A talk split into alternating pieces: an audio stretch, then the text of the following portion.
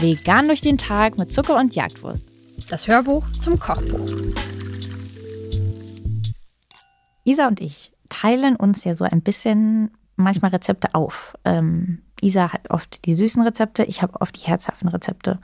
Man kann sagen, dass fast das ganze Kuchenkapitel von Isa beigesteuert wurde und dass fast das ganze Mittagessen-Kapitel von mir stammt. Aber dieser lauwarme Bohnenminzsalat mit veganem Feta, das ist ein Mittagessen von Isabel Zucker. Richtig, und ich finde, es sieht auf dem Foto aus wie ein antikes Gemälde, das an der Wand hängt ähm, und der ähm, Schwere, der Schwerelosigkeit trotzt. Ich finde, es sieht ganz, ganz, ganz hübsch aus, dieser Salat, oder? Man sieht es und man denkt, es wäre irgendwie für ein fancy Dinner. Auf jeden Fall, es fällt ein bisschen raus. Es ist zu schön für uns, meinst du? Ja. Oh.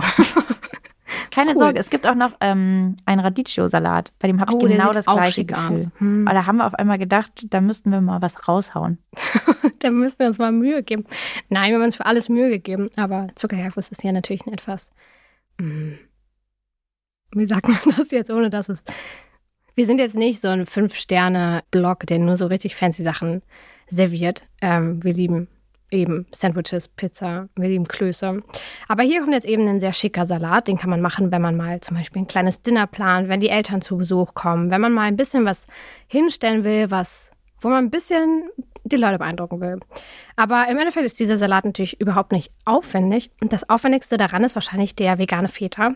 Da haben wir lange rumprobiert, ob wir hier in einen, ähm, ob wir hier einen Tofu eher nehmen als Basis, ob wir doch wieder auf die Nussschiene gehen ähm, oder wie auch immer wir das machen. Und haben lange rumprobiert. Und was uns an so einem Tofu-Filter manchmal so ein bisschen stört, wir lieben auch den sehr.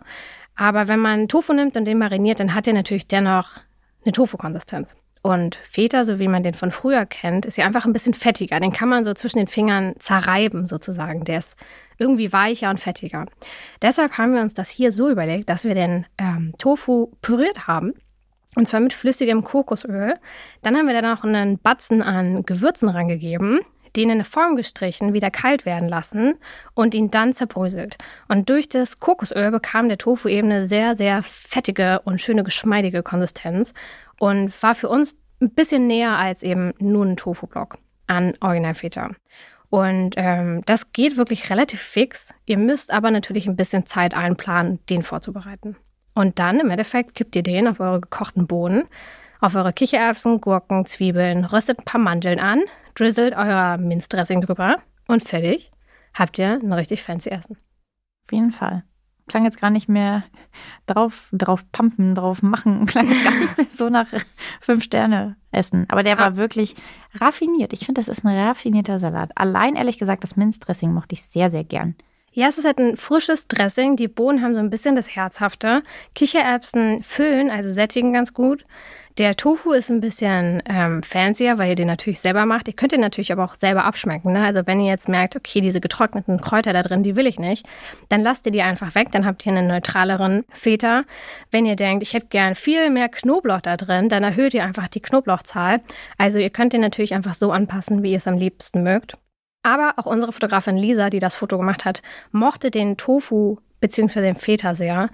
Also es ist wirklich ein ganz köstliches Rezept. Ähm, probiert es aus, impresst eure FreundInnen damit und denkt an uns. An eure Sterneköchinnen, Lisa Ja. und Julia.